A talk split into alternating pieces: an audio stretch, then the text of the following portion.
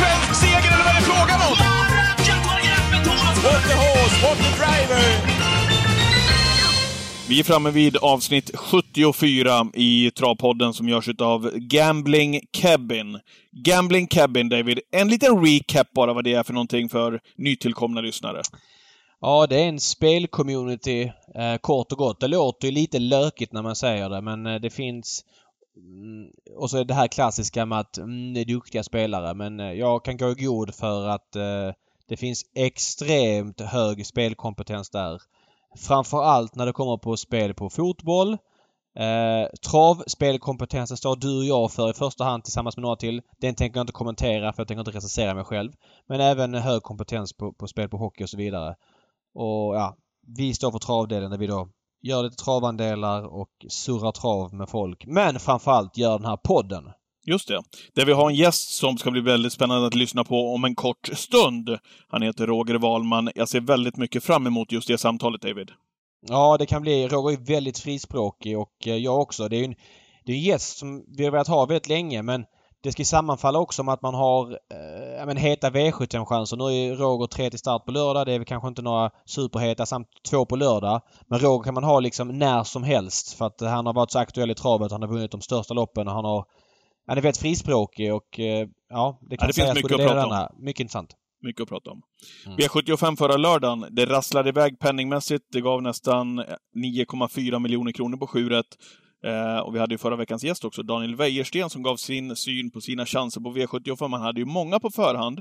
Han eh, slog till med Bowling Elmar och även Santis de Roy eh, innan det var klart. Det blev en dubbel dit alltså.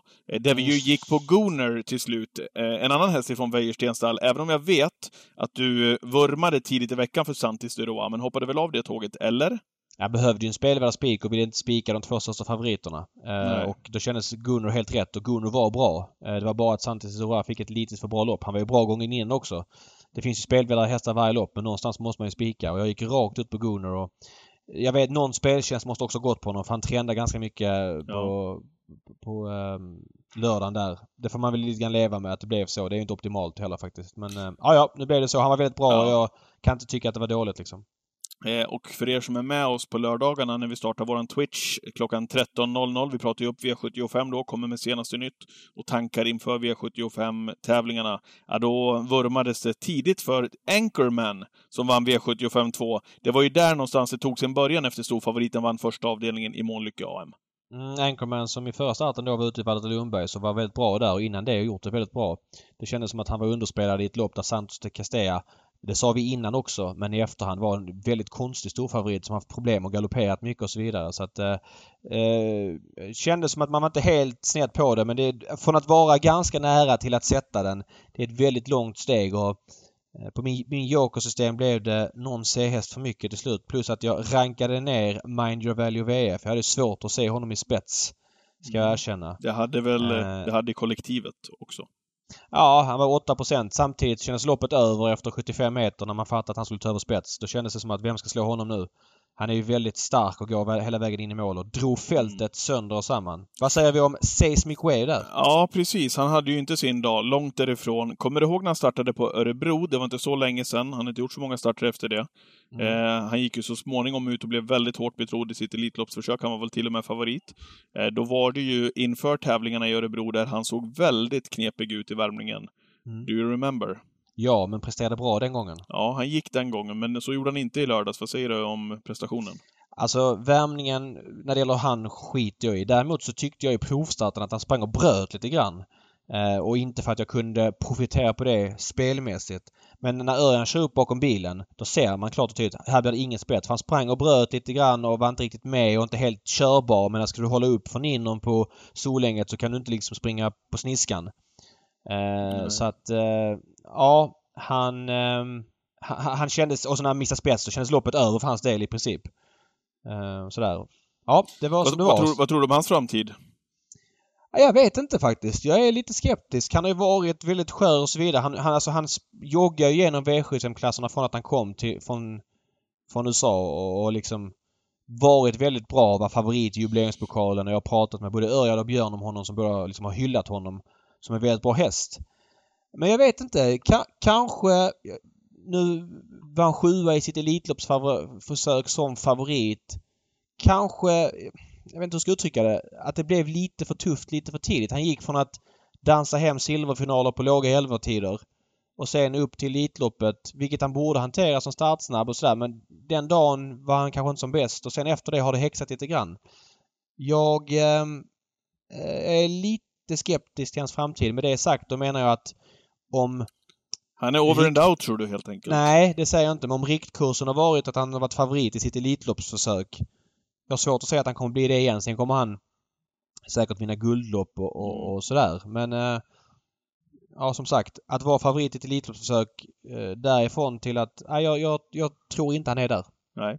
Framöver. Nej, jag har svårt det är att min, se det det är min, också. det är min Ja. känsla. Vad bygger du den känslan på? Nej, jag bygger, jag bygger på det som inte du bryr dig om. Hur han ser ut emellanåt. Nej men jag, jag bryr mig och hur hästar ser ut, det säger jag inte. Men jag säger just i värmningar springer de ofta med annan balans än de tävlar Ja. med. Men just fräschören på honom är väl hans, det är väl det han brottas med. Så att när han, eh, ja, när han inte är fräsch 100% så kommer han inte kunna leverera på den här nivån han är på. Så att, nej, det kommer bli sporadiskt startande eh, förmodligen. Så får man väl ta det ute, ute efter det så att säga. Eh, Men jag också... vi, vi ska säga att han är, skulle han vara sjuk så, så är vi lite hårda mot honom. Han joggar alltså 10 blankt i starten innan Färjestad så att Mm.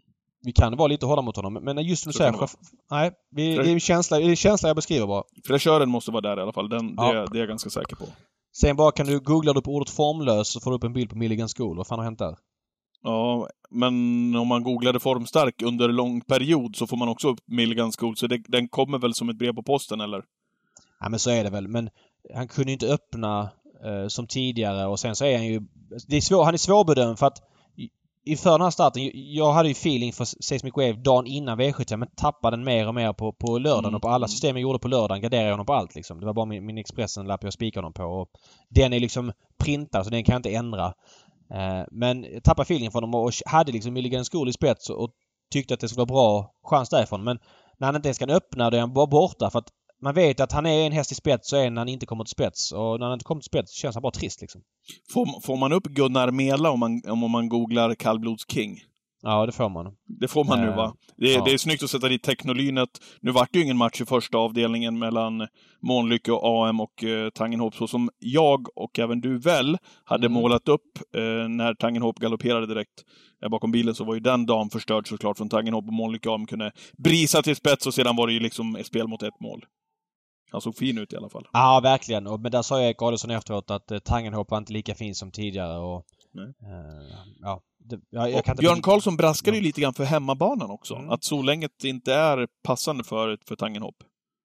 Jag tror det kan vara lite mest en slump. Det kan vara så att han inte trivs på underlaget av någon anledning. Vissa, banor har, vissa hästar har ju banor de funkar sämre på men han har ju tä- tävlat mycket på Solänget när han har varit på väg upp i sin karriär och ofta mött Mm. bra hästar då. Så det kan finnas en anledning till att han inte har funkat då. Men nu har han ju varit, han är väldigt vässad inför det loppet på Färjestad och sen så i Skellefteå och efter det var han ganska bra. Det är inte omöjligt att det kommer en liten dipp efter den västningen till. Färjestad. Det, är min Nej. känsla. Huvudfokus i den här podden, David. Ja men innan du Eh, avslutar bara. Jag bara säger ja. det. Jävligt rolig omgång i uh, uh, lördags med eh, hög utdelning och svåra lopp och ja men V75 blir så mycket roligare när det händer oförutsägbara grejer liksom. När det inte är favoritparader och sådär. Och vill bara säga en sak där om Admiral As som han lyfte utanför kupongen. Alltså nu, visst, nu galopperar Admiral As och han torskar. Men folk som inte fattar skillnaden mellan att det var rätt att plocka bort honom. Jag såg några av de här människorna som eh, jobbar med det här skrev att jag ska plocka dit Admiral As på kupongen nästa gång. Med hänvisning för att han då galopperade den här gången och brände. Men då fattar man inte att Admiral As på kupongen den här lördagen hade ju sänkt omsättningen med x antal miljoner. Så att man kan liksom inte säga så utan visst, alla hästar kan förlora. Men eh, du tar ju beslutet om hur mycket du vill spela inför och har en häst väldigt höga segerchanser och en annan häst har väldigt höga segerchanser och en tredje häst har det. Då spelar du för mindre. Många storspelare gör det och många spelar överlag. Därför var det rätt att plocka bort honom. Därför är det fel att han är med på lördag. Jag kan förstå det lite mer för lördagens omgång nu på Örebro på lördag är lite mer öppen bakom. Men man kan liksom inte hålla på och resonera så. De har inte fattat riktigt vad det här handlar om. En som fattar vad travsport handlar om, det är veckans gäst David. Han har varit med länge, han har varit framgångsrik och han har haft många fina hästar. Ja, verkligen. Eh, han var väl lite tillsammans med Ludvig Colgjini och Stefan Hultman unghästkungen på 00-talet och har vunnit de flesta stora lopp man kan vinna i Sverige. Ja, välkommen till Travpodden säger vi till Roger Wahlman. Hallå Roger! Hej du! Hej! Hur är, hur är läget med dig? Jag, jag tänker så här först när vi, när vi nu skulle ha dig som gäst här. Är du en... Är du, du känns inte som en poddlyssnare. Är du en poddlyssnare? Nej, det kan jag inte påstå. Jag är väl eh, ingen poddlyssnare, nej. nej. Men man, man, man, kan ju alltid bli, så är det ju. Man kan alltid liksom ändra Ja. sig och komma in i det. Ja, det kanske jag ska göra när jag blir pensionist om någon år. Ja, det är bra. Du- får driva tiden med. Hur mår eh, travtränaren Roger Wahlman för dagen? Travtränare då var man mår eh, utmärkt. Eh, efter att ha trappat ner från 180 hästar till 40 så tog det, en liten, tog det kanske ett år för att vända mig men nu tycker jag jag har kommit in i det väldigt bra. Varför trappade du ner från 180 till 40? Ja, helt eh, naturliga orsaker. Eh, jag har varit med så länge nu att eh, man eh, orkar inte mer längre rätt och slätt. Man, eh, och sen eh, får man väl säga, och så blir, blir mätt på, en, på ett sätt alltså så att eh, man ska inte ha 180 hästar. Eh, jag, jag träffade Stig på Solvalla förra söndagen och han sa att han var nere på 10 hästar och en anställd. Nu är du åtta år yngre än Stig. Men är, är 40 sista steget för dig eller finns det ytterligare nedtrappning att du har 15 om två år innan du lägger av? Det finns möjligheter. Jag, jag ser faktiskt inte eh, antal hästar som nå, nå, något mål i det hela taget, varken upp eller ner. Absolut inte upp, men det kan möjligen vara så att jag har åtta hästar till slut, jag och en anställd. Eller, ja, det blir, ingen, blir inte så lågt att jag inte anställde för eh, efter eh, ja, två, tre år här nu så vill jag inte ha ansvar för eh, så mycket hästar. Fattar. Ja. Kan man säga att din eh, karriär förlängdes lite? Vi hade Johan Untersteiner med som en av våra första gäster förra året och han var väldigt nära på att ta över din verksamhet där. Kan man säga att när han valde att flytta hem till Halmstad att din karriär förlängdes? Ja, det kan man mycket eh, möjligt säga. Mm, Det var väl så att eh, när han flyttat så, så hade jag ju tanken på att man kunde ju självklart trappa ner allerede då, men eh, jag tyckte det var så bra i farten att jag valde att gå vidare. Mm. Hur känner du nu då?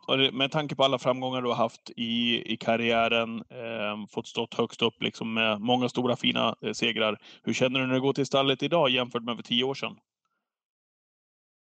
Ja, men det är väl eh, ungefär lika tycker jag. Alltså det här, eh, det är klart att det, det tillfredsställer mer att vinna stora lopp och sånt, men samtidigt så, så har jag hela mitt liv egentligen bara drivit som travtränare för hästens skull och djuret som har gett mig så mycket. Så jag kan inte påstå att det har ändrat mig så mycket, men det är klart att eh, jag har väl blivit mycket lugnare och det är ju i stora och hela mycket lugnare liv så att eh, man har ju det bättre än att fara eh, milvis varje kväll. Det är ju klart att eh, hela själen blir lu- lugnare. Mm. Eh, Jag jag har en fråga där. Du har alltså som du sa 39 hästar på din träningslista. Du har hittills i år kört in 2,3 miljoner. Det är ju siffror som man backar tillbaks 10-15 år så känns det chockerande att Roger Wahlman skulle köra in 2,3 miljoner i mitten på oktober. Eh, Är det siffror du är nöjd med med tanke på antalet du har? Nej, jag är inte nöjd med året. Absolut inte.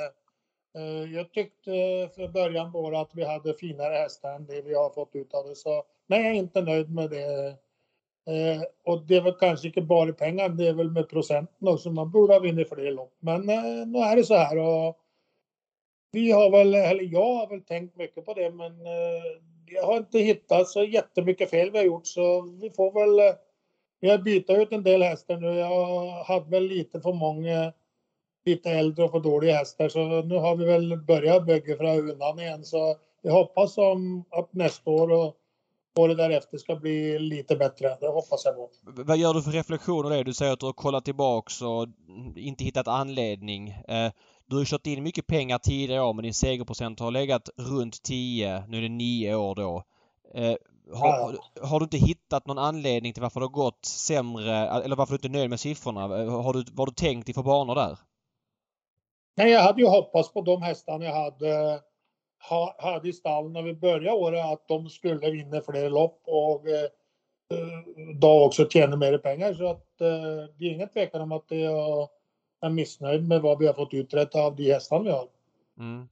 Tycker du, tycker du att konkurrensen är tuffare idag än, än, än, om du backar tillbaka? Eller liksom, eh, har du ändrat någonting i träningsupplägg eller eh, har du någon sådan sak? För jag menar, kollar man bara på den konkurrensen som fanns om vi backar då de här tio åren som David säger, eller 15 år. Jag menar de tränare som fanns på Valla då liksom med, ja, med Stig och eh, Jim Frick eh, och många, många, många därtill också som, som åkte till Valla och hade stora framgångar där du var med i allra högsta grad och slogs om de största segerpremierna. Hur känner du kring det idag jämfört med då?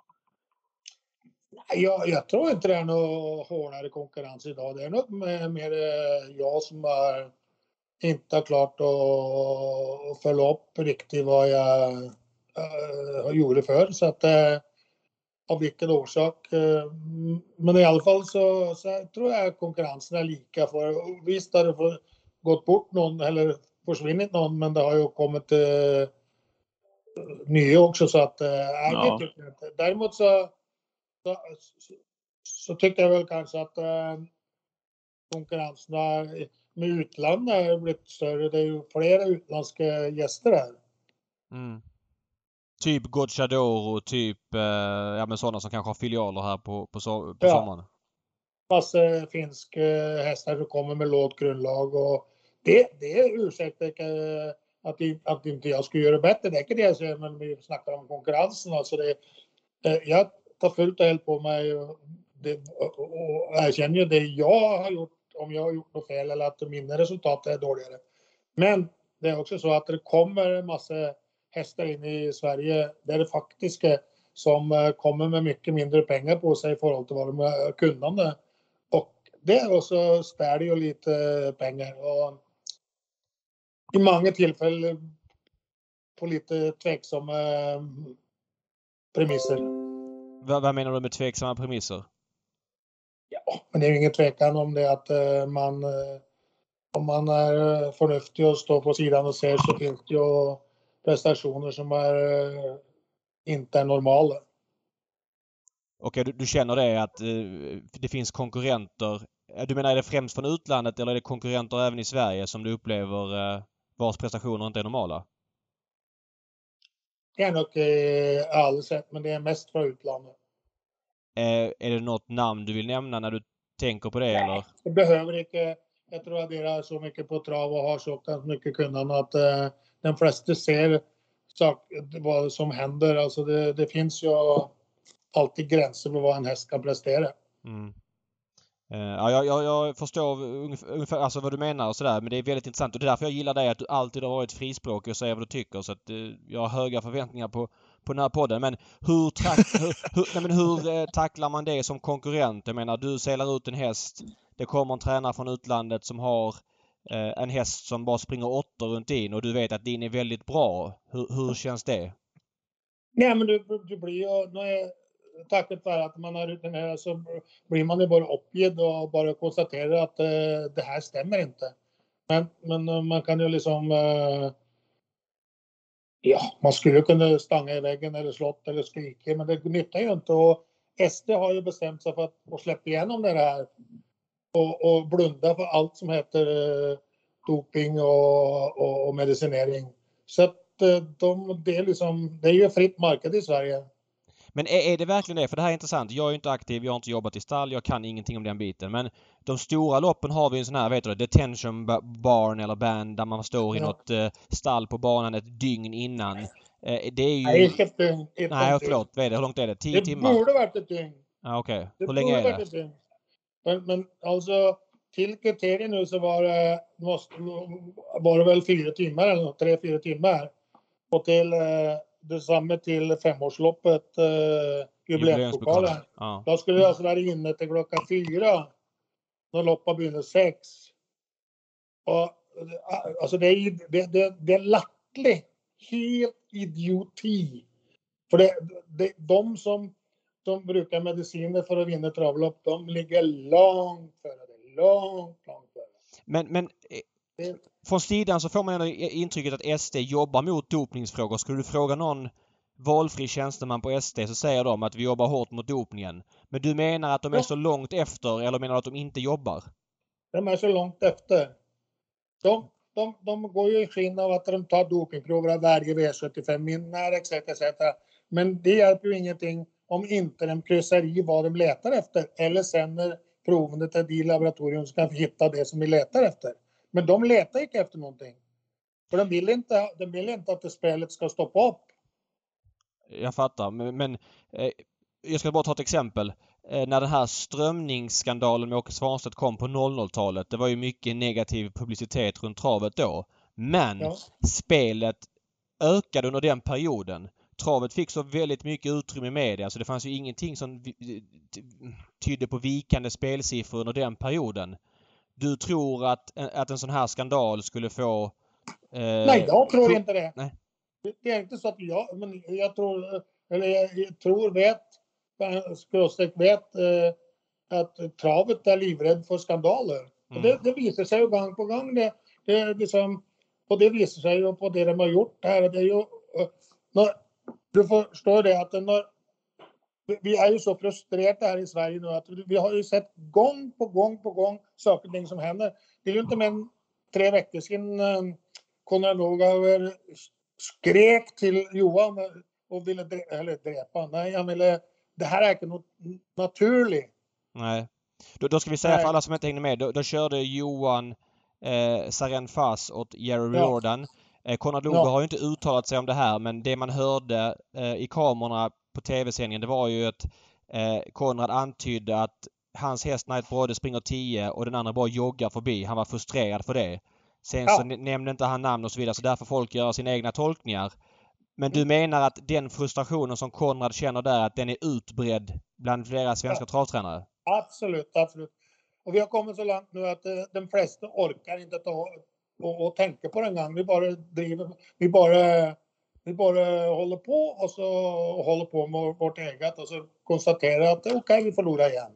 Men, men det här är intressant. Eh, menar du att, för det är så lätt som svensk att se, nu är du norrman men du bor i Sverige, du är stationerad här. Att, pe, Ja, men pe, jag är svensk. ja, att peka Mm. på, på utlandstränare och skylla på det. Hur ser det Nej. ut eh, här hemma då? Alltså eh, är, alla svenskar, eh, ja men du vet, förekommer det inte här alls eller är det, Jo, jo, jo. det, det tror du? Nej, men jag, jag drar alla över en- alltså jag tänker inte på varken gul eller grön kusk. Jag tar alla. Ja. Ja, det, alltså det, det, det, för mitt vedkommande så, så, så, så, så ser det, ser det inlösen för att jag har hållit på så länge att det, det, det, det finns x antal varje år prestationer som är helt omöjligt. Mm. Eh, vad, hur ska vi komma till rätta med problemet? Vad är ditt förslag till Svensk Travsport för att eh, lösa det här då? Ett, att de tar, eh, och, och när, de, när de tar prover så måste proven sändas till ett laboratorium som kan finna det som, så, som behövs. Ja. Så de måste kryssa i arka för alla ting som ska. Och om det ska vara attention bar, uh, attention bar stall så måste, eh, måste vara i 24 timmar. Men, Och, men eh, då, då har jag en fråga. Kan man förbereda hästarna på bästa sätt om de står 24 timmar i ett stall innan? Ja, men då, då får du bort det, det, det värsta i alla fall. Jag förstår. Du får, det närmast och Men om, om du och Magic Eh. Tonight inför Elitloppet, skulle han eh, kunna förberedas optimalt om han behövde stå i ett stall på Solvalla ett dygn innan? Det gör ju Hamiltonien är det så. Det är ju så i alla utländer. Alltså, I Amerika är det som jag har ju klagat på Amerika att eh, och, och det är ju helt korrekt för de har andra medicinska eh, utgångspunkt. Men där är det ju alltid attention bar. Mm. Och den är ett dygn 24 där? timmar. 24 timmar. Ja. Tamla Celeber, Divon som jag vinner i British i, i, i, i Kanada. 24 Ja. timmar. Så det visar sig att det går.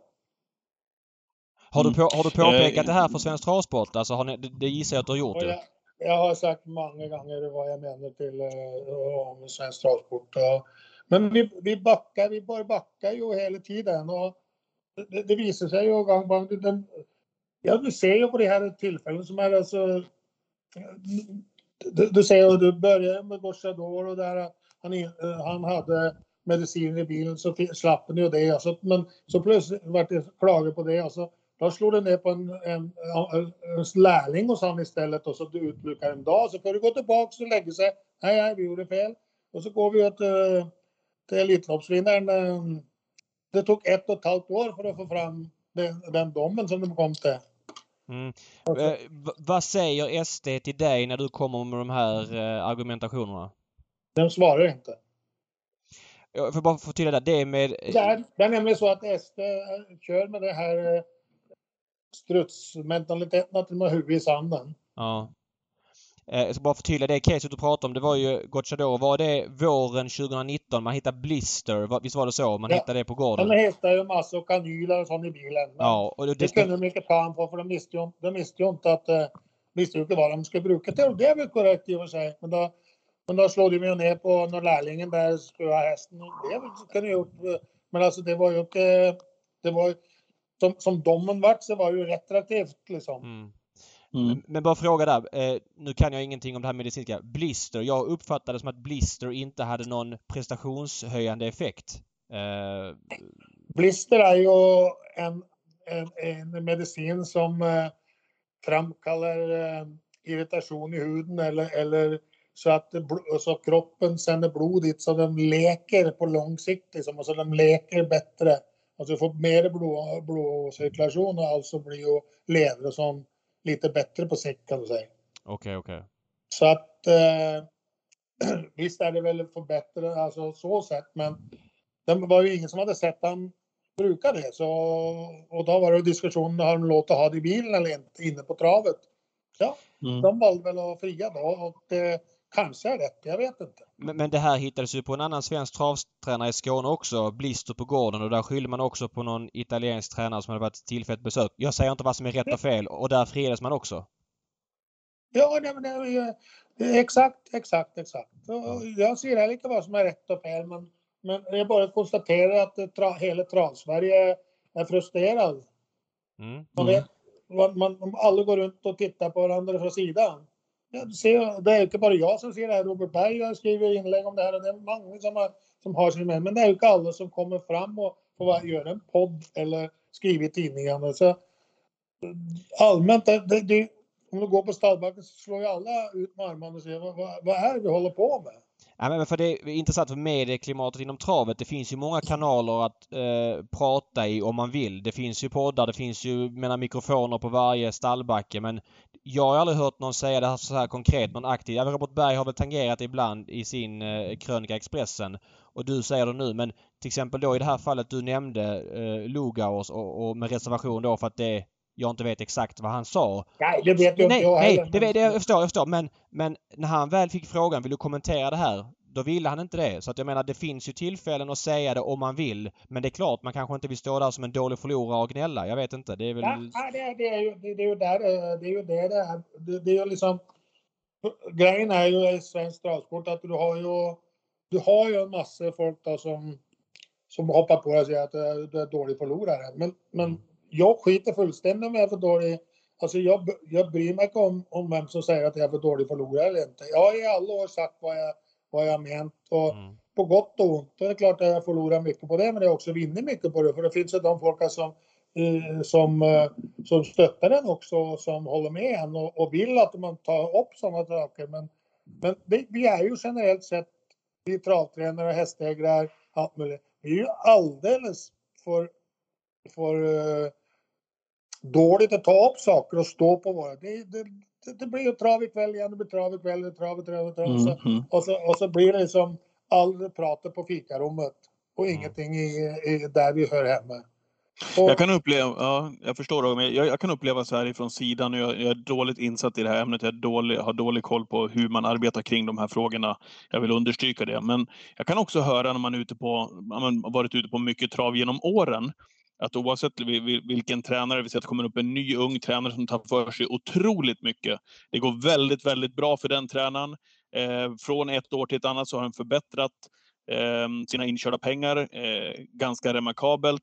Eh, och det kan vara eh, ja, men mer etablerade tränare också som, som går den vägen. Och så hör man ofta här, ja, men du ser ju den där, kolla den där, kolla hur kan det gå så där för den nu plötsligt efter det här. Alltså det kan ju också bli så här att man blir man blir, jag, jag, kan bli rätt trött på det också. Att, att höra den. Förstår du vad jag menar lite grann? Att, eh, om du har dina fina hästar som springer, du har ju också haft hästar som springer och gör fantastiska prestationer av de här alla stjärnorna du har haft. Så man, man bara står och säger wow, de vann Tamla Celeber, eller vi, ja, vi kan väl göra en jättelång lista. Och så liksom, då vill man ju inte ha den tillbaka. Ja, men den där prestationen som Tamla gjorde, eller D1, den är helt omöjlig att göra. Den är helt omöjlig att göra. Och, och det där hör man ju, tycker jag, ganska så, ja men titt som tätt. Jag, ja, eh, jag, jag fattar. Jag tror inte att jag har haft eh, hästar som har presterat på den nivå som jag menar för att eh, det är forskel på att göra en jättebra prestation men det, det, och det, till, till att du gör en en uh, omöjlig prestation. Liksom. Ja, du menar det, det finns en gräns där ja, som, ja, du, ser, ja. som du ser. Okay. Mm.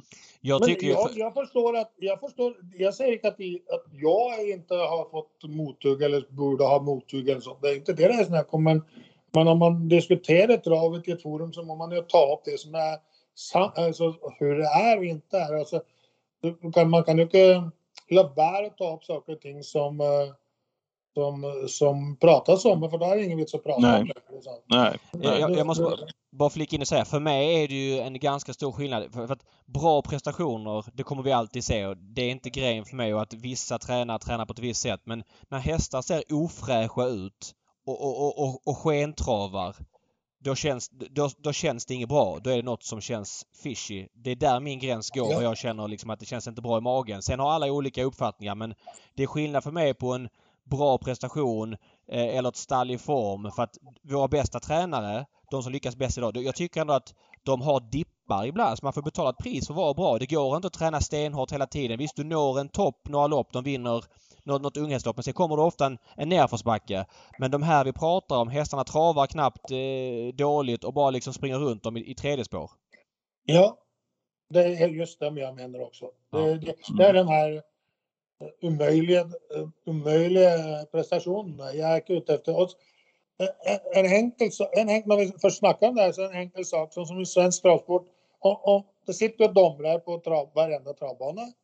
Om, om du sitter på, på, på läktaren och ser en sån prestation, varför går inte den till doping då? För det heter ju att du ska ta doping på onormala prestationer.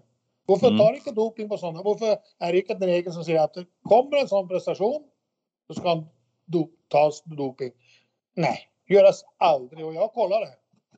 Jag ska inte säga aldrig, men orimligt ofta. Du kan stå och titta på att och, och jag kollade både i program och resultatlistor och sett det själv och tänkte att den många gånger är det lite intressant att säga den där måste väl ta till doping. Nej. Nu, nu som sagt, dåligt påläst, men är det inte alltid på vinnarna eller? Är det inte så? Jo, nej, på vinnaren på V75 och sen är det ju slumpvis på vinnare i vanliga dagar. Ja, okej. Okay. Mm. Ja. Men, men de här prestationerna du pratar om det är ju ofta prestationer som leder till segrar så att de borde ju dopningstestat. Men du menar ja. att men tekniken är så förlegad så att den kan inte få fast dem efter loppen?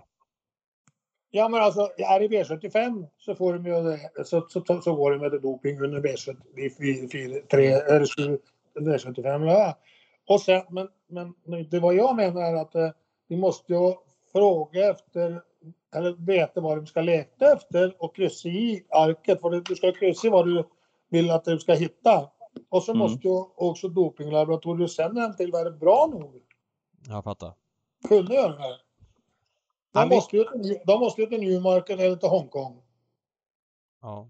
Ja, mycket intressant Roger. Eh, det, jag uppskattar din frispråkighet att du säger det som folk pratar om i, i fikarummet. Det är inte många som, som säger det och, och som, för att vara tydlig, du har vunnit Elitloppet, du har vunnit derbyt, du har vunnit Storchampionatet, du har vunnit Oaks, du har vunnit ja, men, de flesta storloppen och, och du har ju ingen anledning att vara avundsjuk ur den aspekten utan du bara beskriver vad du ser. Nej! Nej. Jag, jag, jag, bara, jag bara konstaterar att det är så och sen och jag jag menar, jag, som, som jag pratade om inledningsvis här så är jag 68 år och det är ju helt klart på, på, på slutet av min karriär. Så, så jag, jag har inte men jag, jag, jag tycker att, eh, att SD är för svaga. du måste mm. ta tag i sakerna och vilja ordna upp det. För det, det, det, känns från utsidan som att den bara sticker huvudet i sanden och inte vill se sanningen. Mm. Ja, mycket intressant. Jag, jag tänkte hoppa tillbaks lite till det vi snackade om innan, dina resultat och sådär. Eh, du har mm. ju um, du, är, du har ju en väldigt stor hästägare som varit dominant hos dig sista, vad är det, 10-15 åren i, i Lennart Ågren. Ja. Vad har han betytt för din verksamhet? Ja, han har betytt väldigt mycket. Det, betydde ju först att jag varit så stor som jag varit och i antal hästar. Och sen om, så har det ju då betytt att jag har fått uppgradera mina hästar mer och mer och idag sitter med väldigt fina hästar som jag får lov att fortsätta med och som får lov att ta den tiden det ska för att ta fram dem. Mm. Det, det har betytt jättemycket. Sen har det också betytt det att, eh, att eh, det blir ju, det är ju selvfølgelig så också att eh, när jag sa ja tack till hans alla hästar så sa jag nej tack till många andra som då går ut för att jag får fördelar Lennart så att det är klart att jag tappar kunder på det också men jag vill aldrig byta. Nej, jag förstår. ni, var ju, ni var ju en makt... Ja. jag vill bara flika in med en följdfråga på det. För att du har ju vunnit Elitloppet med Lennart, eh, med Magic Tonight. Det är väl det, jag vet att du säger att derbyt är större men, men det är väl liksom hugget som stucket. Sen har du vunnit flera andra storlopp. Men det var ju en period då du eh, ja, men, dominerade auktionerna. Du pekade på vad du ville ha och fick köpa vad du ville. Det är klart att det fanns eh, andra, Anders Ström, Denkos, eh, ja, eh, Ågrup lite grann. Men det finns många andra stora. Men, men du köpte ofta de dyraste hästarna sett till att du kunde göra det, är du nöjd med resultatet du har fått ut av det? Nej. Nej, det kan jag inte påstå att det är. Eh, det, är det, det, är ju som jag har sagt i andra, nu är det väl ingen som har misslyckats med så, med så många dyra hästar som mig. Men det är så här att eh, eh det hjälper ju inte. Hästen vet ju inte vad han kostar så hästen blir ju liksom inte bättre bara för att eh, två eller flera absoluta köpare så gör att priset blir eh, över, överhettat liksom. Så att eh, nej, det är klart att det, om jag ser rent pengamässigt så sånt sätt är jag inte nöjd med det. Jag, jag är massor jag inte är nöjd med så att eh, jag är aldrig nöjd med resultatet men det är klart att jag skulle kunna fått eh, mer utav dem. Men om du, är själv, men, om du är självkritisk, vad kunde du gjort annorlunda så här lite grann i efterhand? Och, Ja, i efterhand. Uh, ja, möjligtvis brukt ända längre tid på att ta dem fram liksom och låta dem uh, ta ännu längre tid till första start. Lite så här. Det finns väl uh, exakt att vi kunde eh, kanske satsa lite mer för att ha unghästarna ända tidigare framme. Men sett i lys att vi hade vunnit liksom 30 eh, stora lopp före det så har vi vunnit nio efteråt så att eh, eh vi vann ju, ja vad har vi inne i, 7-8 Breeze 7-8 E3, 3-4 storhetschampionat och extra, extra, extra, extra, extra. Så att vi vann ju väldigt mycket för vi hade Lennart också. Mm. Och det, det, vill jag verkligen poängtera. Jag kommer ihåg vi jobbade, när jag jobbade med Trav-TV 06-07. Då gjorde vi så här. Vilken tränare i Sverige har flest hästar i unghästfinalerna? Överlägsen etta Roger Wahlman. Det var liksom inget snack. Du hade flest ja. år efter år efter år. Men jag uppfattade det som att du hade sämre material då än tio år senare och bättre resultat. Är du med? Ja, men jag, frågan är om jag har sämre material än om jag bara hade dy, eh, dyrare hästar. Okej. Okay. För mm. prisen har ju inte med vad materialet är. Fast, fast det har det väl ändå lite grann. Alltså det är klart att är det många som tycker alltså, att en sak är intressant då drivs ju marknadspriset upp av en anledning. Absolut. Men det, hästen vet inte om sin pris. Nej, men, nej. men alltså vi är eniga. Absolut, vi är eniga i sak alltså. Så att vi behöver dra det här runt omkring. Nej.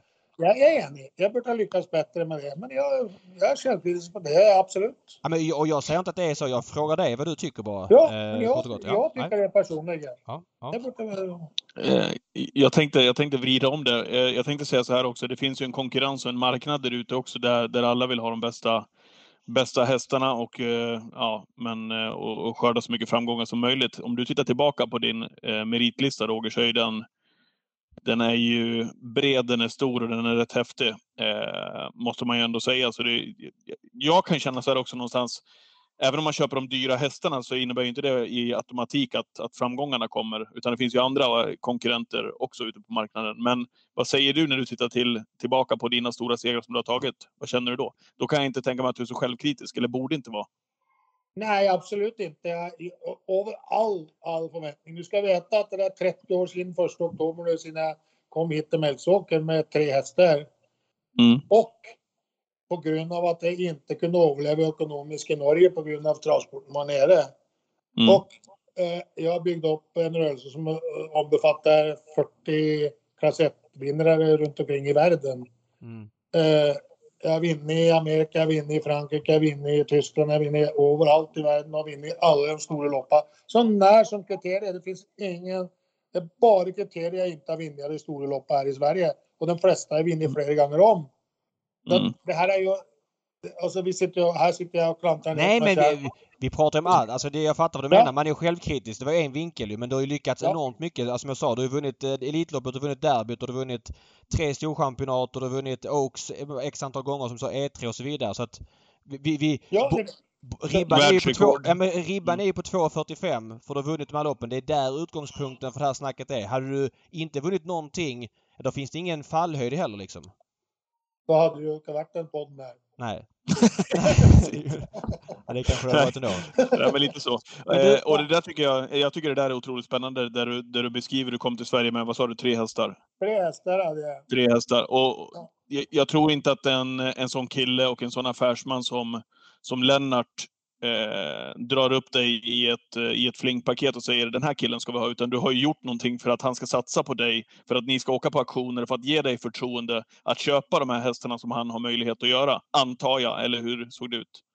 Jo, det är klart att eh, vi, vi, vi hade ju ett par unghästar på den. Eh, Noble Light var ju den första som vann eh, god del som treåring och fyraåring. Och utav det så vart det ju lite handel och sen, ja, sen eh, valde han att satsa på häst och också då efterhvert satsa på mig. Men sen var det också så att eh, både han och jag var klara över att, eh, att han var tvungen att ha hästar hos andra också. Så, så det är liksom inte så att, eh, att alla ska till mig liksom och därför så men jag är tacksam för att jag fått låta vara med på den resan som jag gjort och är ju, och, men jag har ju andra tack, jag har många att tacka alltså. Jag har haft fina Mm. hästar i alla år. Så att det är okej att snacka om priser för det, det, det, det, det, slår ju i en podd eller i en tidning eller något sånt. Men, men alltså priser på hästar är ju, det är klart det betyder att den har bra stam alltså. Men det är ju också så att eh, hästen i sig blir inte bättre bara för att den är dyr. Nej. Eh, och det där, man, jag kommer ihåg till exempel man satt på olika auktioner, till exempel nere hos Lutfi Colgjini, och så hade man en liten plånbok man skulle köpa någon häst för som man tänkte att man kunde fynda, och så såg man att du och Lennart satt på er speciella plats nere hos Colgjini där, och så såg man att ni började buda, och då visste man, jaha, nu är man körd. Hur såg den dialogen ut mellan er när ni åkte på auktion, du, du och Lennart? Och Hur valde gör ni? Fortfarande Ja, och, och även gör. Eh, och hur, hur, såg, hur ser det samarbetet ut? Och hur har det sett ut? Pekar du ut vilka hästar du vill ha och sen vet du att de här kommer jag att få? För att du sitter liksom med de, med de ekonomiska musklerna, eller hur ser, det, hur ser ett sånt samtal ut för att komma fram till vilka hästar ni ska köpa? Jag är lite nyfiken på det. Ja, men det är ett långt arbete. För, alltså när det gäller Ludde för exempel, om vi ska ta det, så har vi ju oftast varit med hos Ludde varje år. Och då har vi också till och med sett föl och, och, och sett nyfödda hästar och sånt och stammar. Och Ludde är ju en fantastisk människa att besöka, så det vet ju alla. Så, så vi har ju följt upp hästarna. Sen kommer ju katalogen då och då tittar man ju på vilken stammar och vilken eh, papper och mammor man eh, är intresserad och så har man kryssat av x antal. Eh, det kan ju vara tio stycken, säg att det är tio stycken då, så, så kollar, åker man ju dit ner förmiddagen på fredagen och så går vi igenom alla de hästarna och så pratas vi eh, emellan. Men eh, Lennart är också lite så att han bestämmer lite grann själv också så när vi har Okej. satt oss på bordet där så så vet vi väl ungefär vad vi ska eh, bjuda på. Men han kan också komma med andra för han, han har ju pratat med Ludde och lite så här också. Så kan han bara uh, säga till mig att eh, den ska vi bjuda på Roger. Ställer vi inte jag eller exakta pekar på den. Så den ska vi bjuda på. Mm.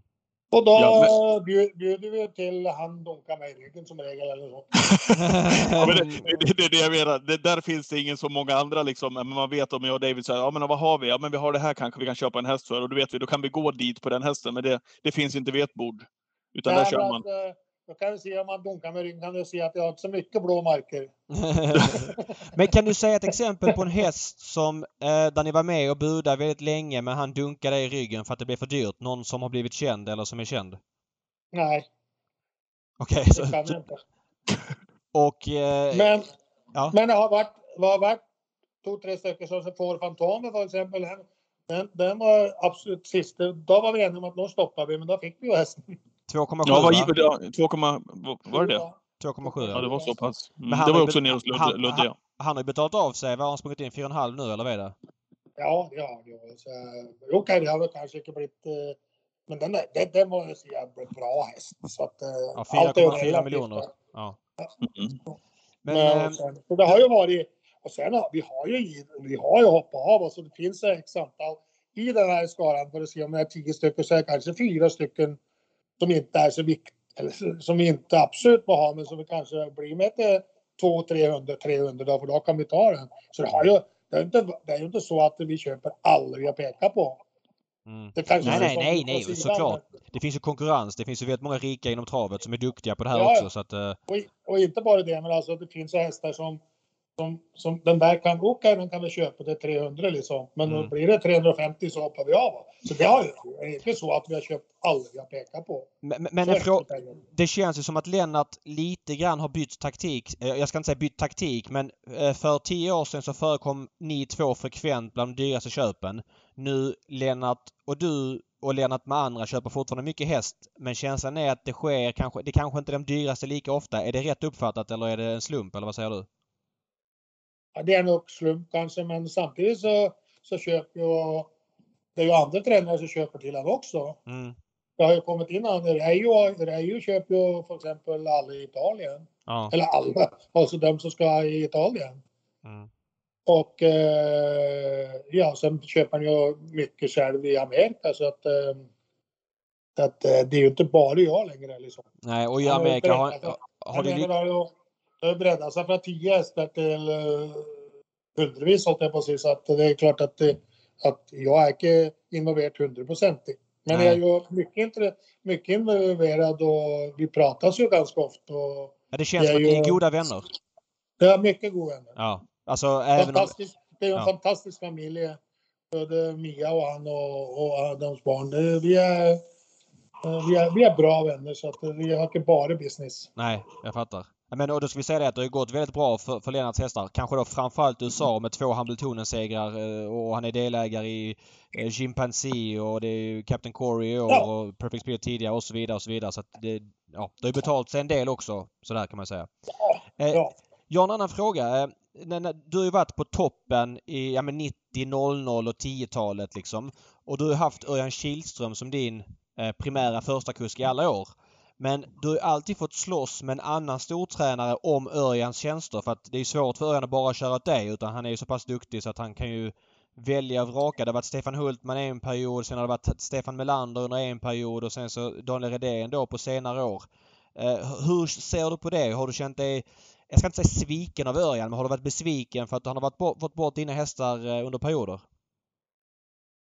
Nej, jag har aldrig alltså, besviken. Alltså, allt är relativt. Det är klart att, att om du har en jättebra häst och vill att Örjan ska köra så den så direkt så är det klart att oj, fan också liksom. Det är Mm. klart. Men, men jag är inte den människan som går runt och är, är besviken på andra folk. Jag, och jag har ju också sagt det så här, för många har ju frågat mig när jag började med han och i princip gjorde så han kom dit han har kommit.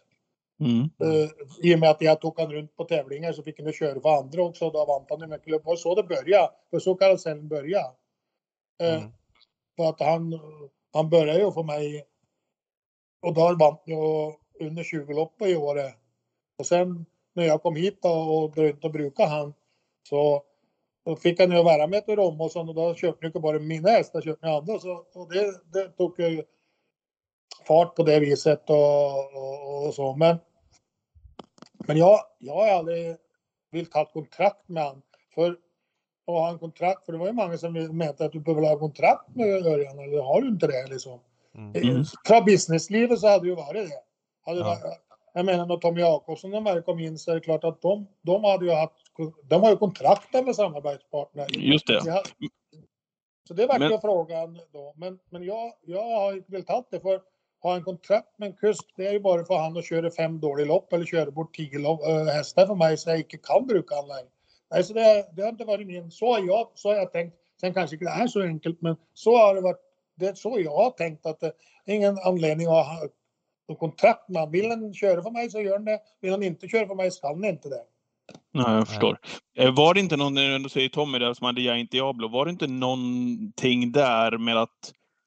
Eller är jag fel på det? Jo, Roger, Örjan valde väl bort eh, henne och så fick Johan köra. Sen så var Tommy sur på Örjan. Visst var det något Ja, sånt? eller var det Alltså, inte... det- Han valde någon åt Hultman, typ. Ja, det, det, det, det, det kom ju fram att, eller det vart ju så att han hoppade, det vart lite fram och tillbaks liksom. Mm. Och då sa, då sa, sa ju Tommy, eller vi vart eniga, men Tommy sa det att jag vill hellre ha en dåligare kusk i parentes Mm. och att han kör mina hästar varje gång. Än en toppkusk som bara kör varannan gång. Och där har varit det så att Johan, och då sa jag var ju, eh, vad är ditt förslag Roger? Ja, jag sa varför kan inte Johan köra? Så gör vi, sa Tommy. Och så, så, så vart det. Okej. Du, på tal om det. Vad gör Tommy Jakobsson idag? Varför försvann han helt från travet? Ja, han, han eh, tappade helt lusten när han hade häst till för ett år sedan hos mig. Men eh, dålig. Ja, det vart ju samma sak. De eh, tappade helt lusten så han eh, eh, sa att eh, jag slutar så länge får se om han kommer tillbaka. Så vet jag inte. Eh, Jag vet att han har haft en, ett, lunchmöte med Johan. Så det kan vara att Johan kan ha köpt och fått det på gång igen. Men, men eh, han har i princip, han tappade lusten. Han var aldrig tittat på hästarna på flera år sedan. Så jag har ingen vits att jag har hästar liksom. Ja, jag fattar. Mm. Men ni har en bra relation fortsatt idag? Eller ni hörs ibland? Ja, ja, ja, ja, ja. Det, är ingen, det är ingen sån, det hade ingen med- mig och han att göra. Liksom. Det hade med att, eh, han var ju aldrig och tittade på det. Varför ska du ha hästar? Liksom. Det känns som Mm. att du har varit väldigt duktig på att, eh, jag vet inte om det är medvetet men eh, du, visst fick du någon utmärkelse, så här, årets gasell något år som att du var årets företagare. Det har ju varit, jag menar har man Tommy Jakobsson som hästägare, har man Lennart Ågren som hästägare, har man Anders Ström som hästägare som du också hade vet mycket under en period med Tamla Celeber då och, och ett par till. Du har haft de här superhöjdarna eh, och du har varit duktig på ditt företag med tanke på att du var... Vi kan börja med det. Det här Gasellen, vad var det? Du vann något pris, det var ett näringslivspris. Ja, det är ju för ett, eh, att du har växt mest utan att köpa till bolag liksom. Jaha, okej. Ja. Men, men det är ju det är inte bara travet, det är hela näringslivet. Hela näringslivet. Ja. Ja. Och hur, hur kändes det att få den utmärkelsen? För det är ju massa andra finanstoppar som får den varannat år och så vidare. Ja, det, det är ju det är ju liksom ofattbart för en, en kille som kommer från den gången, det, det, det som jag kommer från, hållit jag precis att det, det, det fattar man ju inte. Det är det är ju massor här, massor med det här, det här, eh, det som jag driver som jag inte riktigt fattar. Det är ju samma med, med Hall of Fame också. Det, som, det är ju saker och ting som, som inte går in i min skalle liksom. Det, det, jag, jag känner mig inte som det, jag känner mig bara som Roger Wahlman. En Mm. vanlig, vanlig stallgrabb liksom. Jag har aldrig känt honom mer så att eh, jag bara är så jävla tacksam för att hästarna alltid är rädda mig ut av allting. Eh, Vi har ju pratat här om dina största segrar. Du har vunnit som sagt det mesta som går att vinna, framförallt i Sverige. Men du har ju liksom aldrig riktigt fastnat för Frankrike. Eh, Hur kommer det sig? Nej, fransk travsport eh, är, är ju bara pengar och, det, är, det är ingenting för mig liksom. Jag, Okej, nu har det fått mycket bättre hästar, men när jag var aktuell för Frankrike så travade de dåligt de körde dåligt och de såg för jävligt ut hästarna. Så jag har aldrig tyckt om fransk travsport, men och jag tror inte det är så väldigt många som andra som gör det heller, men de, de tycker om pengarna där nere och att våra hästar har lite mindre pengar så du kan tjäna bra pengar där nere. Absolut, men idag är vi inne på pengar igen och jag har aldrig tänkt på pengar. Aldrig. Bara Du- brukt pengar. Nej, f- ska, faktiskt det här är li- lite privat men har man sett dig på, i krogmiljö väldigt ofta så är du väldigt generös. Du bjuder väldigt ofta allt och alla eh, och sådär.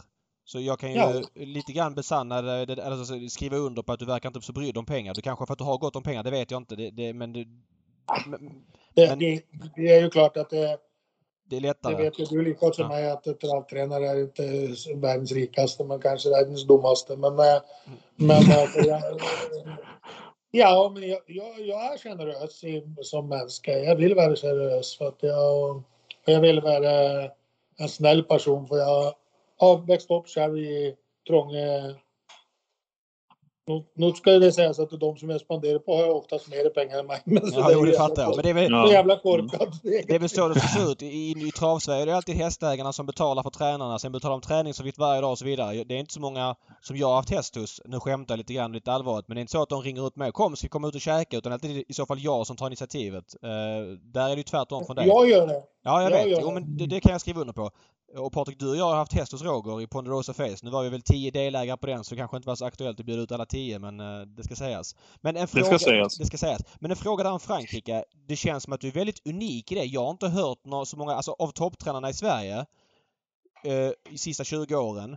Stig var väl inte så mycket i Frankrike heller men han har ändå vunnit Prix d'Amérique och sådär. Eh, men det, av alla andra topptränare så har ju folk liksom en ett öga mot Frankrike. Ludde har ju varit där mycket. Björn, Robban Berg, Redén, Timo, eh, Melander. Ja men du vet, allihopa utom du.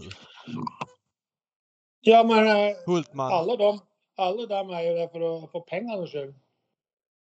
Ja, eller för att Mm. de vill vinna stora lopp inom travet. Det kan ju också vara en anledning. Det är klart att ja. det, jo, men det, jo, det är klart att jag skulle vilja vinna Prix d'Amérique. Ja. Jag ska inte beneka det.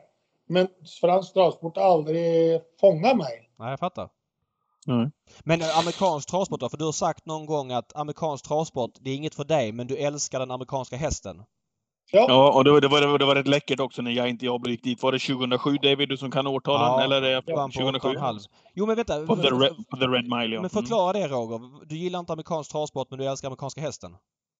ja men amerikansk travsport är jävla primitivt. Det är ju, ja det är primitivt. Det är ju liksom one mile och så är det full fart från början och så saktare och saktare. Men Alltså där, det, det finns, det, där om det är någonstans- speedway. Förlåt. Mm. Ja. Nej men där om någonstans är det väl pengar. Jag menar, vad tycker du bäst om? Fransk eller amerikansk travsport? Nej, men jag, jag, jag, jag tror... Jag, jag, alltså jag tycker lika, lika om travsporten, men jag tycker eh, eh, om eh, amerikanska hästen bättre än, eh, än eh, franska hästen. Men nu ska sägas det att från jag sa det för tio år sedan och till nu så har ju den franska travsporten och travhästen blivit enormt mycket bättre. Det är vi väl eniga om att de, de idag så travar de ju 80 procent av dem Förr var det ju 20 procent som travade och 80 som inte travade. Ja, alltså man har ju lättare att se Facetime Bourbon springa runt eh, amerikanarna på amerikansk mark än vad man har till exempel att se eh, Captain Corey vinna Prix d'Amérique. Det är väl en spontan känsla? Oh ja. ja. Oh, ja, oh, ja, ja. ja. Men det är klart, det, det har ju det primitiva, primitiva med att göra i och med att de kör bara 1609 meter. Och, ja. och det är klart att då har ju inte hästarna byggt upp det att gå med den 1609 meter. Så det finns ingen anledning att göra det. Nej, Men du precis. ser ju, en del amerikanska hästar som kommer till Europa har ju sin, eh, sin styrka också.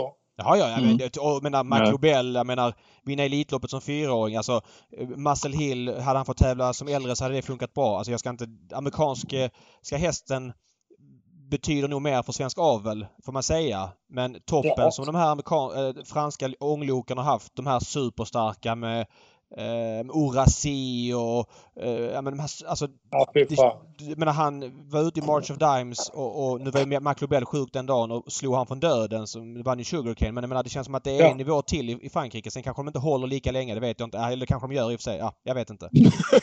jag, jag, jag ändrar mig där. Det gör de ju. Nej, men alltså, Ja. det, men sen som jag säger, alltså sen kan man, alltså jag håller på det, eh, jag håller på Djurgården eller AIK, jag håller på amerikanska hästar. Mm.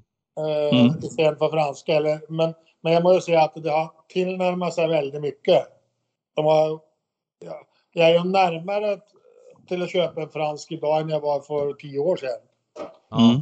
Men, men, eh, men då är ju, när du ser på Feisten Bonbon så är ju det är inte mycket franskt i den fast det är helt franskt säkert det men, men det är inte, om du ser, om du det är väl, du tänker för, för 10-15 år sedan, hur fan travade de runt nere i Paris då? De Nej, det var ju hela, för, hela selkammaren med sig ut. De här Fanny Ja, Doll och i- kort Hans besked. Lasse- Ja, exakt. Kotte, käkar och jävla så de har saxbett bett och hur fan ser de ut liksom? Nej, nej, jag Ja. håller med. Håller med helt, helt enig.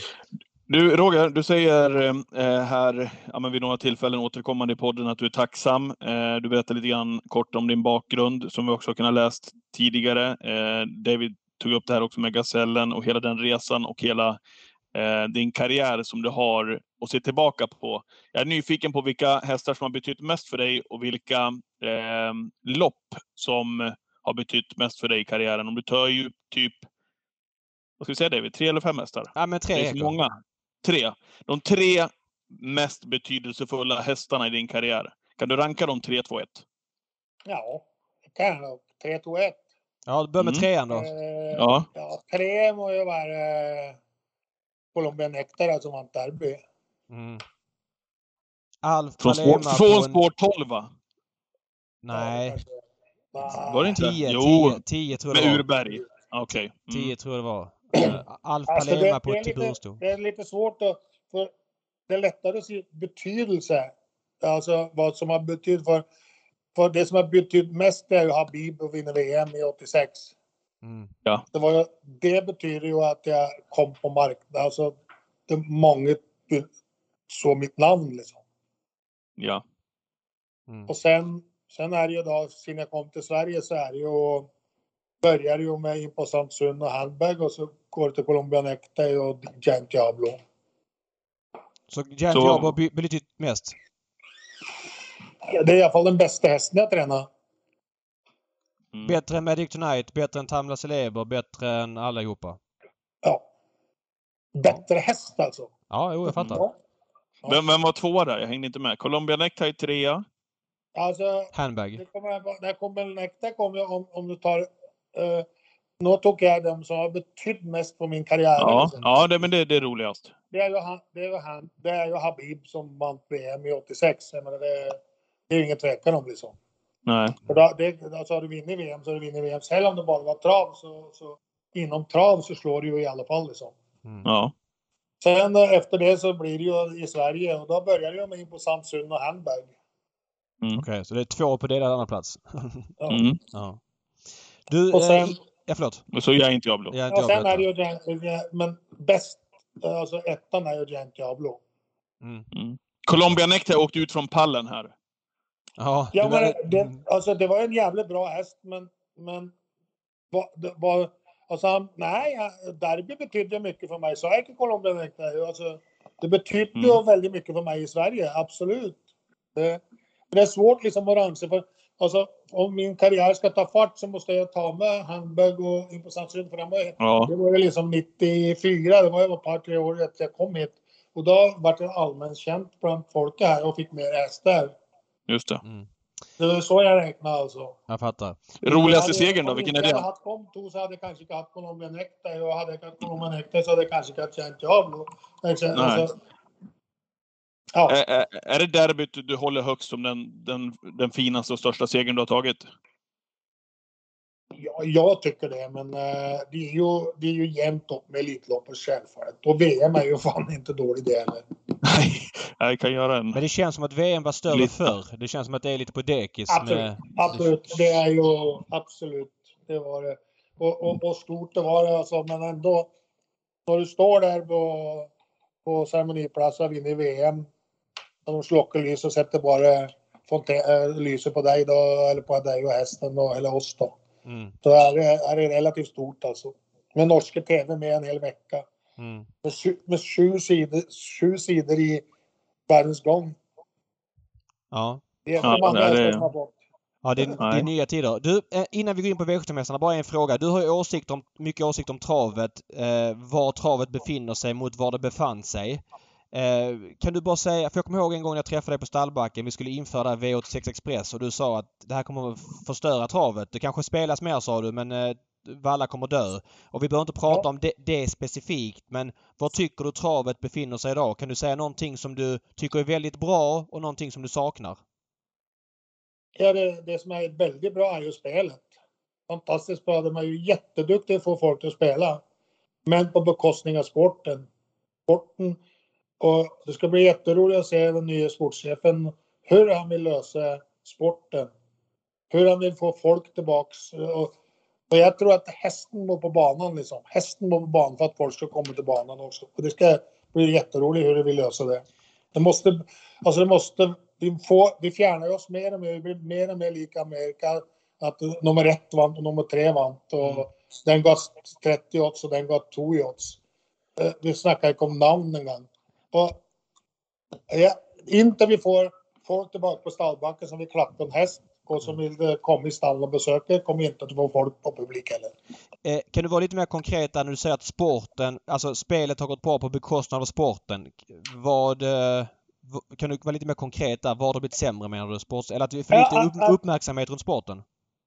Har uppmärksamhet på, på hästen. Eller Okej. jag kan gärna säga hästen istället för sporten. Ja. Alltså för att eh, hästen och, och, är ju jätteglömd alltså. Hästen, hästägaren och hästen är borta. Det är numera nästan bara kusken.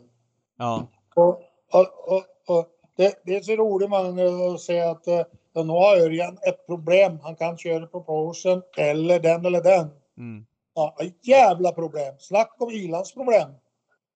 Ja. Vem har problemet? Det är fan inte Örjan. Nej, nej. Men med all rätt vill jag säga för jag tycker den är fantastisk. Nej, Eh, Absolut, det var inte så jag Nej, men jag fattar, jag fattar. Hur, hur kan tv och tidningar vinkla att det är han som har ett problem? Nej, jag fattar. Men, men Det en, kon- fan hästägaren och tränaren och hästen som har ett problem. ja, men så är det. Men en konkret fråga på det. Det är Breeders Crown semifinaler på eh, söndag på Solvalla. Det är 200 000 till vinnaren i 12 lopp. Det kommer vara under 1000 personer på plats. Skulle du ta 150, alltså nu är det lite svårt för du har haft en framgångsrik karriär och verkar ha ganska bra ekonomi. Men skulle du ta 150 000 till vinnaren i varje lopp men 5 000 på plats på Solvalla eller 200 000 i vinnaren men under 1000 i publik? Ja, jag tar 150 000 då. Du gör det? Ja. Ja, och det... det, Jag, jag tror, jag tror i vissa, alltså i vissa lopp så tror jag vi pratar alldeles för mycket om pengar. Pengarna skulle läggas på vardagstravet så att ja, det är fler som har chans att tjäna eller få hästarna att gå runt. Om, om du när äger en häst som vinner kriterier så tror jag innerst inne jag tror att du är lika glad om den får 2 miljoner eller 4 miljoner. Ja, det är nog så. Uh, men det. Jag, jag tror vi, vi, vi häxar alldeles för mycket efter de priserna. Däremot ska du åka till Örebro och köra om 25 000 upp till ti- och, och två lopp med 10 000 Mm. på en torsdagskväll. Det är skandal. Men, men då, då vill jag säga så här. Jag tror inte att det behöver vara motsägelsefullt. Jag tror att man kan köra med 200 000 och spelet kan gå bra. Och man kan ha fokus på sporten. Man måste bara förstå båda. Och det, det, det är det jag tror att det finns väldigt få som gör just nu inom travet. Jag tycker att det är det som är eftersatt. Förståelsen för båda grejerna. Därför blir det 200 000 till vinnaren i British Crown. Nu är det ett insatslopp, det vet jag om vill jag säga också. Men det blir lite publik och där är det en kortslutning som inte stämmer. Men vi släpper den biten för att eh, ja, vi blir så politiska annars. Vi ska in på dina V75-hästar på lördag. Örebro. Eh, det är inte 25 000 till vinnaren. Det är 150 i guld och sen är det väl strax över 100 i de andra loppen. Eh, du, har, du har auktionsdyringen som vi pratade om, For Fanton Am till start. Eh, du sa att han har tjänat in sina pengar vad han kostar men är du ändå lite besviken på att han inte utvecklas lite till som äldre? Ja. Ja. Jag trodde han skulle bli ännu lite bättre så att eh, det är tillbaks till mig. Men eh, okej, han eh, har, har gjort två lopp nu efter en kort träningsperiod och har gjort det bra. Tappade för bättre häst eh, senast som fick spets så han gick ett okej lopp. Han har dåligt ju- senast tyckte jag. Va? Han travar lite Ja. dåligt i kurvorna senast tycker jag. Ja, han är ju lite, tyvärr lite problem med auktionssinne. Så att det är ju det som hämmar han och det är det vi inte riktigt hittar lösningen på. Det är helt korrekt. Och eh, nej, men alltså han har lite vingelläge också härifrån för det är ingen häst som kör fram i döden så att eh, vi måste eh, röta om han ska vara där framme. Men han kommer ju att vinna lopp nu i oktober, november eh, och någon V75-lopp. Han gör det varje år så att han kommer att göra det. Mm. I, i, ja, okej. Ja, men för jag håller med dig. Jag tyckte han var bra senast och ja, men han var rejäl från dödens liksom. Ett tufft stopp han fick och han kämpade hela vägen in i mål även om travet knackade lite grann. Så att, Ja. eh, ja.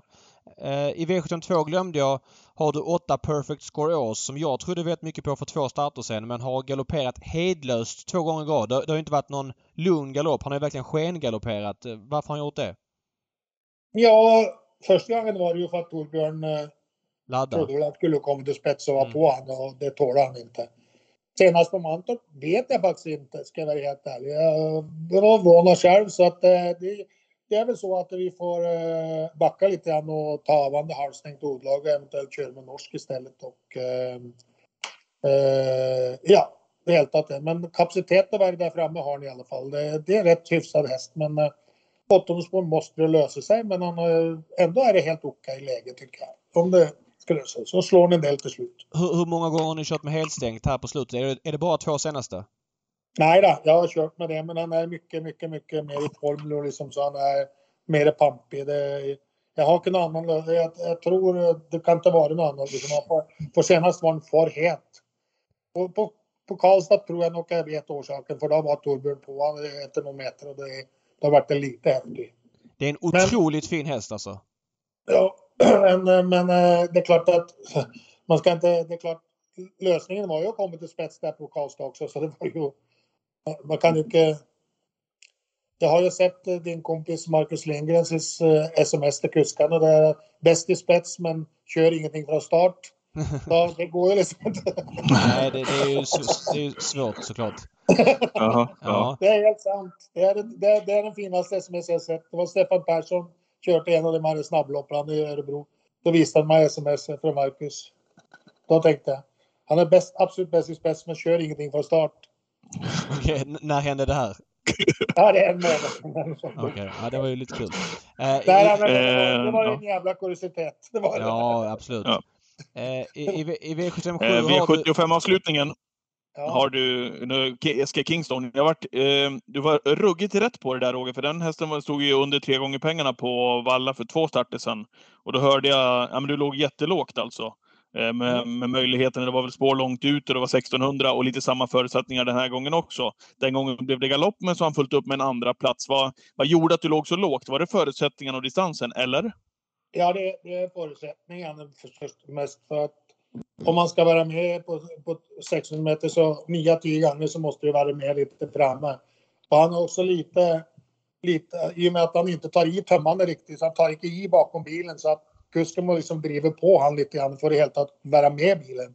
Mm. Och därav när han kommer där utanför eh, doseringen så, så, så, så blir det faktiskt lite svårt för han att hålla sig till trav. Så att eh, därav låg jag lågt och jag ligger, förstår ju att jag ligger lågt nog. Däremot så har han ju kapacitet Ja. att vara med om det. Ja, du vet alla de här kur- kuriositeterna att det blir overpace och ska man ha tur och allt det här. Men det går ju liksom inte att tippa hästen på det. Man måste bara säga att hästen är i bra form men läge och det är helt hopplöst egentligen han. Ja, för hade, hade det varit t- 1609 meter spring rakt fram. Jag tror inte att det är så många som är bättre än honom och han skulle vara otroligt gynnad att komma till spets. Men det gör han inte och bakifrån springer han liksom inte förbi dem. Nej, Nej. han är ju hopplös. Det är det som är problemet. Ja. Och, och då Okej. måste kusken, och då måste ju som Örjan sa, måste du vara på honom lite grann för att se om du kan, kan få lada lite så kan vi i alla fall få förbi någon liksom. Ja. Men då har han ju tendensen att inte klara av det. Så att, tyvärr så har han svårigheter han som alla andra. Han ska nog Mm. köra som Örjan körde dem på Bergsåker där för fyra starter sen. Bara fram i Ja. döden så bomba. För det är då det som passar bäst liksom. Ja, det är absolut bäst. Så hålla farten hela vägen. Ja. Jag, Mm. jag måste fråga, kan man inte, har du kört honom med helstängt och sådär eller? Det går kanske Ja, ja, vi kör, vi kör Okej. med sån eh, blinkers. Ja, blinkers. Till och med. Just det. Förlåt. Förlåt. Jag hade inte... Ja. Just det. Men det hjälper inte. Alltså han, han blir ändå lite trög eller inte tillräckligt snabb liksom. Han är inte snabb nog. Nej, Eller, nej. eller trög. Trög är men han vill ju helst eh, gå där framme. Ja, jag fattar. Mm. Ja men. Eh, vad härligt. Ja, Ja. verkligen. Eh, en, en kortis bara innan vi lägger på. Crash Dags och Sidney Celeber för funderingar och tankar kring Valla semifinalen på söndag. Jag kastar ägg sig och hopplöst läge för, för spelarnas del. Jag hoppas ju att de kan vara fyra, men alltså, det är Ja. hopplöst läge. Men eh, jag tror ju att, eh, att eh, Sidney Celeber kan vara med där framme och med ett, ett hyggligt lopp i alla fall. Så, så jag tror inte han är så mycket dåligare än de andra där. Han är, är ju på väg upp och de andra, jag ska inte påstå att de andra är på väg ner, men de har ju varit på topp länge i alla fall för att säga så. Ja, verkligen. Det är så jag tänker. Det brukar på Drivström brukar det vara mina lopp för då, då har de andra kört klart och jag har inte fått min i ordning. Jag han, han är ju ganska mycket spelad. Det är lite låg omsättning men han är andrahandare nu så att eh, ja. Han, Ja, men han är ju på en bra dag så är det en jävligt bra häst. Ja. Ja, bra ja, häst. ja. Men, äh, ja, du vet det sånt där. Jag, Ja. jag, jag, det, men jag tror nog han eh, är bland de tre i alla fall. ja. Mm. Exakt, det är Ja, finalplats som men, gäller. ja. Ja, men vad härligt. Underbart surr. Otroligt härligt surr. Ja, jättebra Roger. Tack för att du är så frispråkig och säger vad du tycker. Det uppskattas verkligen. Eh, det behövs i travet. Det är my- mycket 1, kryss 2. Eh, lycka till i helgen Roger. Tack så mycket för att du gästar podden så, så håller vi connection. Tack så du ha. Toppen. Tack Sköt så jättemycket. Ha det bra. Hej då. Hej då. Hej, hej. Ja, men vilket härligt eh, snack ändå med Roger Wahlman som vi... Vi kan köra en del två känns det som också framöver någon gång, eller? Eh, ja, men verkligen. Alltså, så här. Det han säger och det, om hans eh, misstankar, det får stå för honom såklart. Men är det som han säger och det finns ju visst fog för att det är som han säger i vissa fall. Jag säger inte vilka fall det skulle vara så i. Men förekommer det den typen av felaktig medicinering, medicinering som gynnar hästars prestationer, då är ju det prio ett för svensk travsport att ta tag i. De kan liksom inte eh, hålla på och riskera eh, ja, men sportens liksom trovärdighet med det här. Utan det här är en supergrej att ta tag i. Då får det vara värt att hästarna får Mm. stå 12-24 timmar i en box på banan Ja. Eh, dygn innan för att säkerställa att inget händer fel. Det finns säkert hästar som, som inte kan prestera på topp av det. Men sorry, det får i så fall vara, om det är det som krävs för att vi ska få bort eh, fusket inom sporten, som Roger då är säker på att det förekommer. Då är det vägen att gå. Ja. Det här är prio ett för, för, för svensk travsport. Mm. Till och med viktigare än publikfrågan.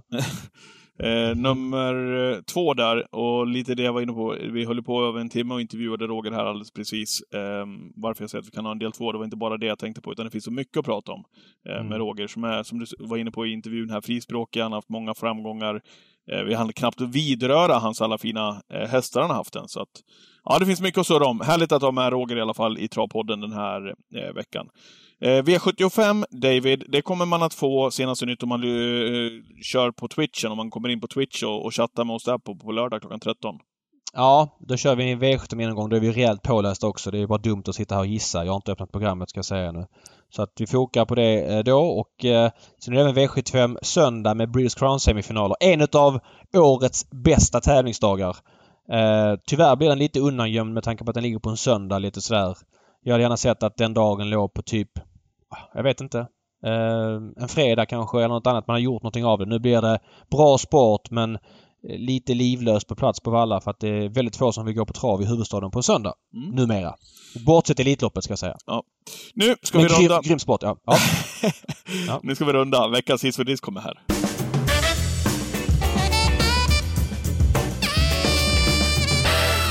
Yes, och jag tänkte hissa den här veckan, David. Och ehm, eh, jag, jag, jag satt, jag kommer inte ihåg exakt var jag befann mig. Eh, jag satt på Romme eller Rättvik, tror jag. Var de på Rättvik faktiskt, i min holk uppe på, tra, eh, uppe på hak, eh, haket, säger jag, uppe på taket, så har jag en liten uteholk där jag sitter. Eh, Mm. För mig själv på kvällarna. Och då är det alldeles perfekt att ha på liven däremellan eh, mina lopp eh, som vi kör eh, i Rättvik. Eh, och så då Mm. har man på saxbanan. Eh, I den, den mån man hinner mellan intervjuer och så som ska göras. Och hajade till, förstår du. Kan du Ja. har du någon känsla för vart, vart jag ska landa? Nej, ingen alls va? Eh, jo, det har jag nog faktiskt. Ja, så här var det i alla fall. Umåker körde trav. Och ehm, Nej, det har jag inte. Det har jag bommat. Jag tror det var något Då- annat. Ja. Eh, Umeåker körde trav och eh, man är ju van då att höra eh, Robert Karlsson, numera eh, sportchef då för Svensk Travsport, eh, på Umeåker. Eh, det är ju hans stämma som alltid brummar ut ur högtalarna där. Det är liksom, man vänjer sig vid röster på vissa banor. Men! Mm.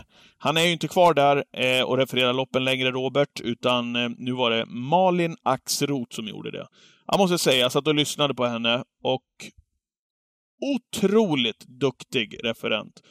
Positionssäker, härligt tryck i, i rösten. Eh, varvade upp alldeles lagom enligt min smak. Eh, det var... Jag bara satt och lyssnade och tänkte jäklar vad duktig den här tjejen är. Malin Axroth. Hon är ju dotter till Karina Axroth som jobbade med trav-tv för, för en tid sedan. Jag och Mm. Karina var eh, kollegor i, i några år där. Eh, när vi sände V5 V5 på kvällen Viasat. då. Ja, precis. På Viasat. Viasat på Mm. den tiden.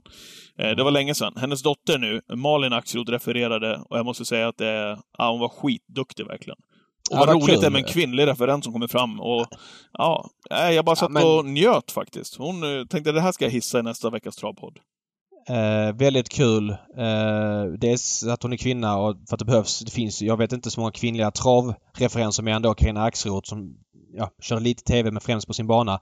Men kul med en ny generation eh, referenter där alla inte försöker låta som Bosse Rydgren. Det har ju varit en smitta genom alla år liksom och jag förstår att man vill låta som Bosse Rydgren. Han var nummer ett under många år och har satt standarden för travreferat i Sverige. Vi har många andra bra också. Jag tycker Patrik Nilsson som är den som refererar mest på bana idag är väldigt duktig. Det finns fler. Men fler borde bygga sina egna stilar eh, och det hoppas jag verkligen att eh, Malin Axelroth gör. Ja, gå in och lyssna. Mm. Nästa gång vi kör tävlingar så får, du, så får du höra själv. Ja. Malin Axelroth, veckans hiss. Du då? Mm. Vad kommer du med? Veckans diss. Ja men eh, så här känner jag. Jag har varit inne lite grann på området tidigare. Jag vill även liksom förtydliga igen. Ehm, när vissa franska bra hästar presterar bra på sommaren eller på hösten och säger ja men vi siktar på Elitloppet nästa år. Då blåser man liksom upp det i svensk media varenda gång och eh, texterna är så otroligt Har inte du finns vidrört liksom det här ämnet förut någon gång? Ja, Eller? men det finns liksom ingen passus i texten att okej, man har varit optimist tidigare och inte kommit utan man, man bara glömmer bort det och låtsas som att okej, nu kommer Facetime Bourbon. Nu vann han lotterian. Han är klar för Elitloppet 2022 och liksom eh, vi ringer upp Malmrot. Malmrot får då uttala sig. Jo, skitkul att han vill komma. Varför skulle Malmrot spela ner det? Så han gör ju inget fel ju. Men travmedia måste chilla lite med det där. Man kan skriva att Facetime Bourbon att man har intention att komma men man måste ju lägga in någon form av sanningsvärde i att de här utländska hästarna Atlanta, Manchego, Facetime Bourbon och Manchego slutar tävla men med flera. De säger väldigt ofta att de är sugna på att komma eh, på hösten året innan. Vad säger de på våren Patrik? Ja, vi får se. Nej, då säger de vi siktar på nästa år istället. Ja, men det, det brukar ju vara några turer däremellan. Så nästa års Elitlopp blir alltid det bästa för då säger man så här, men nästa år då kommer den och den och den och den. Men så slutar det som vanligt med att ja, eh, någon kan inte komma av någon anledning och så vidare. Vi lugnar oss. Jag skulle bli överlycklig om Facetime Bourbon kom till Solvalla eh, nästa år. Men det finns inget värde i att man säger nu att man är vill till Elitloppet utan det som är intressant är vad som händer i vinter. Tänk dig om han är trea i Prix d'Amérique, vad säger de då?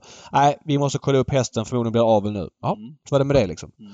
Så att eh, ha lite feeling för vad som sägs och historiken kring de här hästarna och inte bara liksom dräm på det som att man har skygglappar, skriver med nyheter och inte tolkar den. Det stör mig lite grann. Bra David, det var veckans podd. Ska du till Valla på söndag? Jag ska tyvärr inte till Valla på söndag. Jag tycker, eh, jag vill gärna supporta Valla men de här söndagarna har varit, eh, ja det har varit för, för segt med travbesök. Det behövs Ja. något mer för att jag ska åka dit. Däremot V75 slutet på november på lördagen, givet med Valla. Ja. Men jag, det är lite annan fotboll och så vidare på söndag så jag kollar hemifrån den här Ja. gången. Mm, Mm, och innan vi avslutar den här eh, podden för den här veckan, David, så ska vi såklart eh, ägna avslutningen i Travpodden till Gigant Neo som blev 23 år gammal. Han har fått avsluta sina dagar, han finns på de evigt gröna ängarna. Hur minns du Gigant Neo? Han tjänade över 20 miljoner kronor! Prix d'Amérique-vinnaren, David.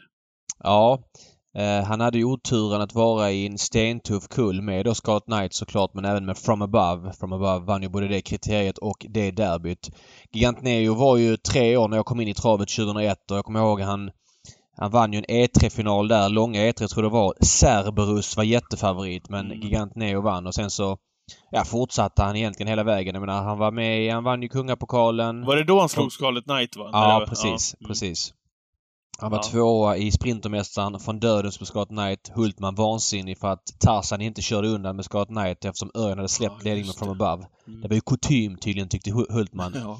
Men sen självklart, visst var han fyra, tvåa och etta i Prix? Mm. Eh, tror jag att han var. Eh, etta då, han var ju tvåa i mål bakom Jacques de Belouet 2006 men Jacques de Belouet eh, diskades för dopning Ja. det året så han fick segern lite senare. Eh, Okej, eller sådär som avelshingst får man ändå säga. Han, eh, det var väl inte riktigt... Han lämnade inte riktigt som man trodde kanske, eller jag vet inte vad man trodde egentligen. Han var efter Super Arne, Clorita Lobello, en ganska gammal stam på honom. Men vilken löpare! Vilken Ja, löpare! herregud. Och Ja. Och nej, Löfberg Han kom ju som alltid får... lite grann i skymundan ju såklart. Därav skalet som fick eh, strålkastarljuset på sig. Eh, Mm. Allt som oftast ju. Ja, ja men verkligen. Eh, men han lyckades ändå ja, vinna de här loppen Mm. som vi pratar om och tjänar ju mer pengar än Scarlet Knight. Så att, eh, nej. Vilket är ditt bästa minne av honom? Ja, men det finns så himla många, men det, det är ju ändå det där loppet mot Scarlet Knight på, Mm. i, i Kungapokalen, när de där två är, som jag minns det i alla fall, jag kanske är helt fel på det, långt före de övriga. Och, Mm, det stämmer, det stämmer. ja, och, och han, eh, han slår Scarlet Knight och ja, alla hade ju räknat hem att Scarlet bara skulle vinna det där, Ja, så är det stallkamraten som vinner efteråt. Och, ja, nej, men det var... Han visade ju liksom vilken häst han var då, han visade det innan, han visade det ja, efteråt också med Prix d'Amérique-seger som du nämner. Till exempel. Mm. Bland många fina segrar. Bland de bästa svenskfödda avkommorna märks Niona Princess 4 miljoner, Amazon Am 3,8 miljoner, Gigant Slugger 2,6 miljoner, Mm, Playing. Tua 2,3 miljoner, Angelo Am en- eh, 2,3 miljoner. Nej, det är det väl inte och jag vet inte, kan inte på rak hand säga vilket stormaterial han fick Nej. men eh, det är ju ingen skär, superstjärna bland de avkommorna men okej ändå i varje fall. Men som sagt, som, det är främst som travare man minns honom och nej, tack för allt får man säga. Verkligen. Till Gigant Neo. Vi är tillbaka nästa vecka, David. Tack för... Eh, tack för visat intresse, höll jag på att säga. Ja, tack för tacket. eh, ja, precis. Ja, men vi eh, håller connection då. Ja, vi gör det. Och alla ni där ute, vi hörs framöver. Bra. Tack. hej. hej. Hej. hej. Thank you.